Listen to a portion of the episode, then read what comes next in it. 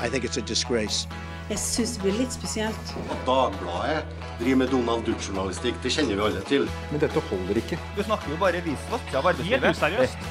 You are fake news. Go ahead.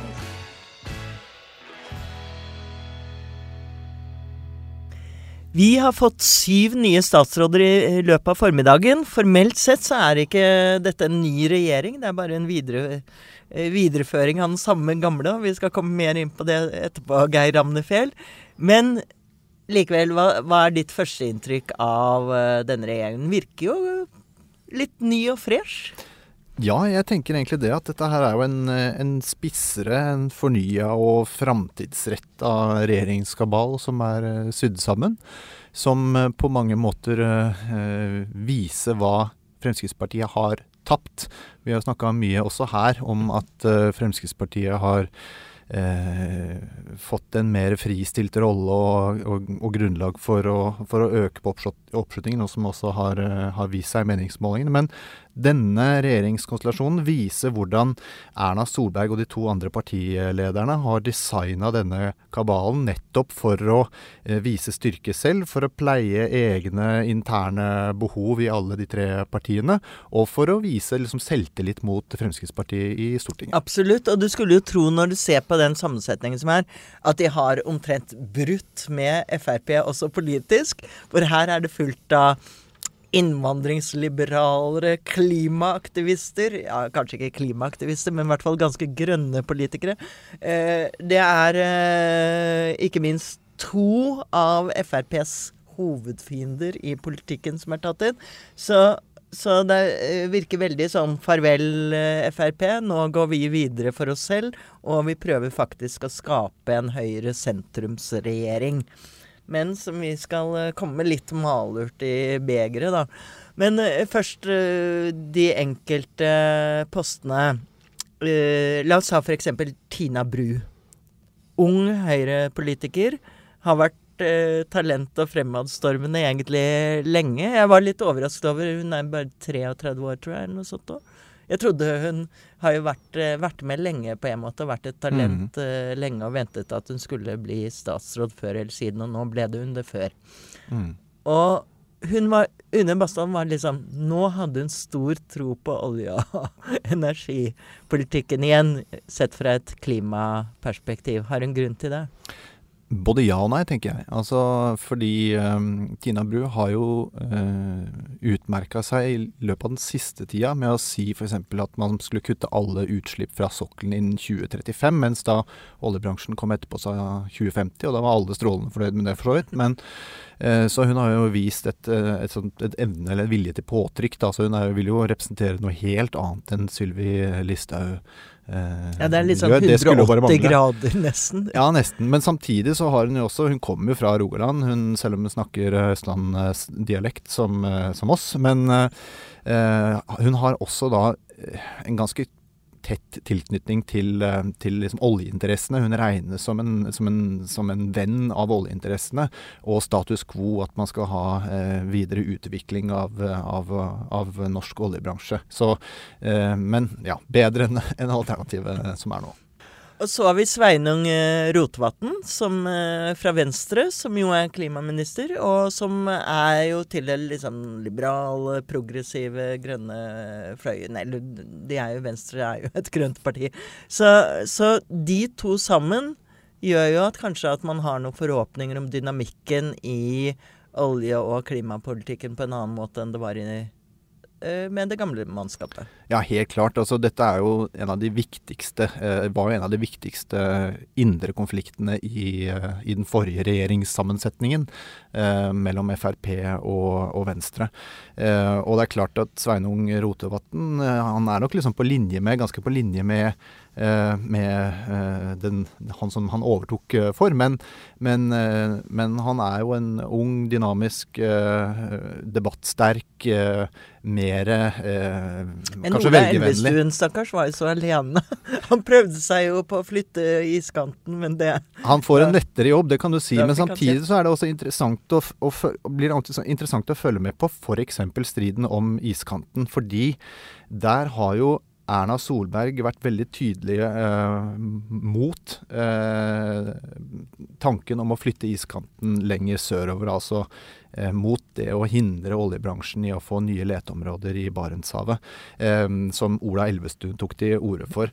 Og det er ikke gitt at uh, Tina Bru vil nærmest komme Sveinung Rotevatn i møte i denne saken her. Så den indre konflikten i olje-miljøspørsmålet, olje-klimaspørsmålet, ligger også fast i denne, i denne, regjeringen. Det er ikke gitt hva som blir utfallet i den saken. Den blir ikke sånn som vi så for oss med Sylvi, drill baby drill. Den blir ikke like høylytt. Det vil komme fra andre hold. ja, det vil komme fra andre. dagens mest rørende må jeg si at var Eh, nøkkeloverrekkelsen mellom Trine Skei Grande og Abid Raja. Jeg gikk glipp av det. Kan ikke du forklare ja, fortelle nei, litt om det? Fikk, eh, jeg må innrømme at uh, jeg er faktisk, tro det eller ei, litt sånn lettrørt. men, men, men, jeg fikk uh, klump i halsen da jeg så det. Han, uh, han gråt jo selv så han hulket, og på et punkt kastet han seg rundt halsen på Trine Skei Grande. Og det var attpåtil etter at han hadde innrømmet at de hadde jo hatt noen harde tak seg imellom. Men de hadde et så langt og nært vennskap før det hadde liksom uh, skåret seg. Så han trodde dette gikk veldig bra, og han satte så stor pris på selvfølgelig tilliten. Og så sa han Tenk deg det, at jeg er god nok for Norge. ja. Og så uh, snakket han jo mye om sin uh, bakgrunn, som er litt av en reise. Altså det må du jo si at han kom hit som altså barn av innvandrerforeldre. Moren hans var analfabet.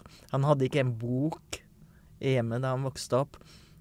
Vi vet han har snakket om at han hadde trøbbel på, i barndommen. Eh, og så eh, har han gjort liksom en eh, fantastisk karriere gjennom Han har jo vært jurist også før han ble politiker, og nå politiker på helt topp nivå. Mm.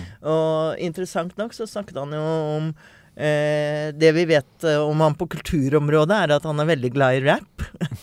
God venn med Karpe-gutta. Uh, men ellers uh, vet vi ikke så mye. Men han snakket mye om nettopp at han skulle utvide og ta inn minoritetsgrupper også i, uh, i, kulturen og kjempe for det. Og at han hadde brøytet vei tidligere og ville gjøre det igjen. Så jeg tenker at vi kanskje kan sette en liten sånn i bak, uh, bak uh, statsrådbokstavene hans. At han også er litt integreringsminister. Mm. Det, det, trengs jo på dette området. Men, men det, var ikke, det var kanskje noen som gråt av helt andre grunner da Abid tok over?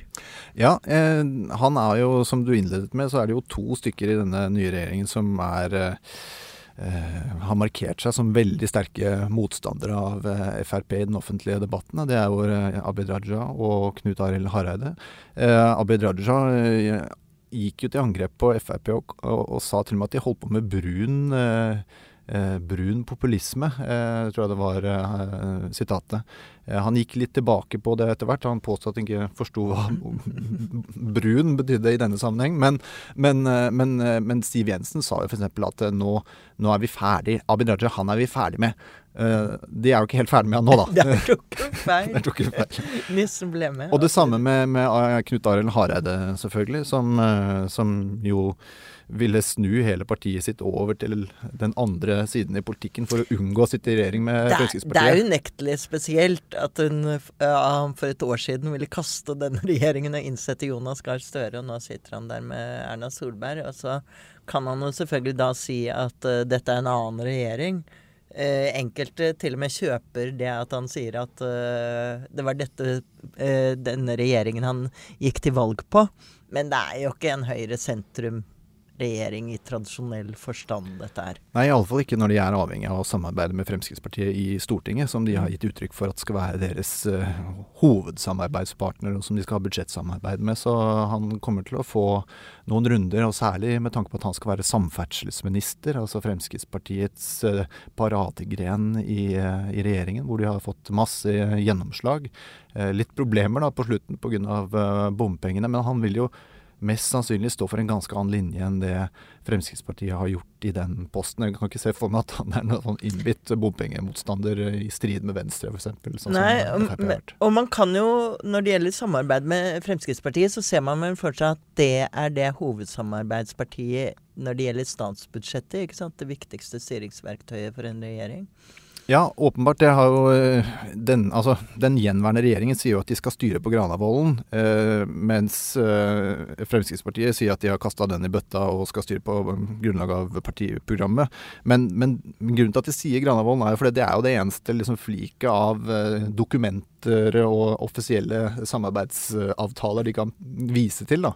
Så de lener seg på den eh, på, en, på et vis. Og, og også så har jo eh, Siv Jensen og, og Erna Solberg sagt at de skal ha et slags sånn spesielt forhold hvor de skal ha jevnlige møter for å koordinere også da eh, når de er utenfor for regjering. Ikke sant? Så det blir ikke så formalisert som det i sin tid var mellom Høyre-Frp-regjeringen og de to sentrumspartiene, men det blir en slags sånn avtale mellom eh, halvveis avtale mellom de. Ja, de skal koordinere seg. Eh, Mm. og det er, vi jo, det er de jo nødt til for å få dette, få dette til. Nei, men det blir spennende. Eh, Jonas Gahr Støre har eh, varslet en interpellasjon, som det heter, i Stortinget. Det vil si eh, altså ikke bare et spørsmål som vi er vant til i spørretimen, men, men eh, en eh, Hvor det blir en større debatt om regjeringsgrunnlaget, hva, hvilken politikk de skal styre på. For han, han stusser også over at de skal fortsette med Granavolden-plattformen når det ene store partiet har forlatt regjeringen og sier de ikke vil følge det lenger. Ja, altså Hvis man leser intervjuene som er gjort og ser uttalelsene, så, så forstår man jo hvordan dette samarbeidet sånn cirka skal foregå. Men, men det er jo noe annet å, å si det høyt i Stortinget. Men så er det jo det er en frist på en måned for en sånn interpellasjon, så det kan ta litt tid før det kommer. Så. Ja, ja. De har funnet ut verden har gått videre. Vi ser jo i løpet av denne uken hvor fort, eh, Kanskje det er en ny fort det regjering? går. Ja, ja. Altså, de sier jo det at det er en evighet. eh, En uke er en evighet i politikken, og det stemmer ofte. Men eh, det har jo en egen dynamikk. Jeg har eh, forståelse for de rød-grønne som sier at dette forandrer lite. Eh, politikken ligger jo stort sett fast, men, eh, men politikk er jo også den enkelte personen, statsrådene. Eh, det er ikke løsrevet fra alle mennesker som sitter der og ikler disse postene. Det har man jo sett inn med det gamle mannskapet. Ja, definitivt. De skal jo håndtere disse konfliktene som garantert vil oppstå mellom Ja, kanskje også internt i regjeringen, men ikke minst overfor Fremskrittspartiet på, på Stortinget. Og hvordan, hvordan Knut Arild Hareide håndterer det. Hvordan eh, eh, Sveinung Rotevatn håndterer det eh, som klima- og miljøminister. Eh, om de prøver å få noe samarbeid med Arbeiderpartiet, om Sveinung Rotevatn virkelig mener det, eller om han vil bruke det som et spill for å Altså, her er det utrolig mange snublesteiner og, og viktige og interessante ting å følge med på framover. Men eh, skal vi konkludere da at eh, flinke nye ansikter som er interessante å følge med på? Ja, med, med, med, noe, med noen unntak. Det var litt slem på slutten. Å, er det noen som ikke er så flinke? Nei, men altså, det som slår, slår en når man ser gjennom eh, lista over utnevnelser, det er jo det at når det gjelder liksom distriktspolitiske elementet da, i denne regjeringen, det, det er ganske tamt. Og det har jo vært en hovedkonfliktlinje i norsk politikk de siste, siste åra. Og der har de da innsatt en ny fiskeriminister som, eh, har, som er veldig lite kjent fra før av. som er fra Troms, som ja, ja, har vært statssekretær, da. Men, men han har vært lite framme, og spørsmålet hva slags profil han vil kunne skape for, eh, for Og så er det da den nye distriktsministeren. Distrikts- og digitaliseringsministeren. Du lar deg ikke lure av den, altså, Geir Amfjell. Nei, jeg vet ikke. Du tror ikke jeg vet ikke om det er noen som gjør det. Fordi det jo Det høres jo ut som en ny folkehelseminister eller en ny beredskapsminister. Altså hva skal Linda Hofstad Helleland gjøre? Annet enn å si at vi skal fornye med vår distriktspolitikk. Og derfor er jeg også digitaliseringsminister. Og det er jo liksom kronargumentet som eh, Høyre har brukt, og som sikkert eh, har, har jo- har gjenklang i Høyre, men, men- men, ikke har vært så effektivt. Men hun har det i seg å gå i ringen med Trygve Slagsvold Vedum. Vi husker jo dette famøse Facebook-innlegget hennes hvor hun sa at hun heiet på Kvikk Lunsj, brunost og Marit Bjørgen, var det ikke det? Og og også disset Oslo lite grann. Ja, hun går gjerne i ringen, men spørsmålet er hvor vellykka det er. Det er. Nei, Trygve Slagsvold Vedum eh, lot seg i hvert fall ikke imponere. Det er han, eh, han trodde ikke at dette gjorde denne regjeringen mer distriktsvennlig, for det har jo vært en av de store ankepunktene, sentraliseringen. Eh, til slutt, hva eh, Jeg tenker at når jeg ser på denne dyn, eh, nye dynamikken som vi snakket om i forrige podden, at det kan gi en ny giv til den borgerlige siden. Ved at de får nye mannskap inn, og Frp får lov til å solospille litt mer i Stortinget. Og vi ser det allerede i meningsmålingene at, eh, at det endrer seg, i hvert fall for FrPs del. Eh, Hva tror du kort at de rød-grønne begynner å haste med, at de finner sammen og begynner å snakke litt mer sammen? Ja, de har jo eh, siden mandag hatt veldig dårlig tid eh, fram mot 2021 å finne sammen og koordinere seg, eh, avklare eh, politikkområder, hva de er enige om og hva som skiller dem fra dette prosjektet og eh, Fremskrittspartiet i, i opposisjon. Eh, og hvis ikke de eh, får en tydelig plan for det og klarer å kommunisere det utad, så kan de fort bli kasteballer i den offentlige debatten til denne regjeringens og FrPs gunst. Vi følger med i hvert fall, Geir. Dette var en ekstra, ekstra episode om statsrådsskifte.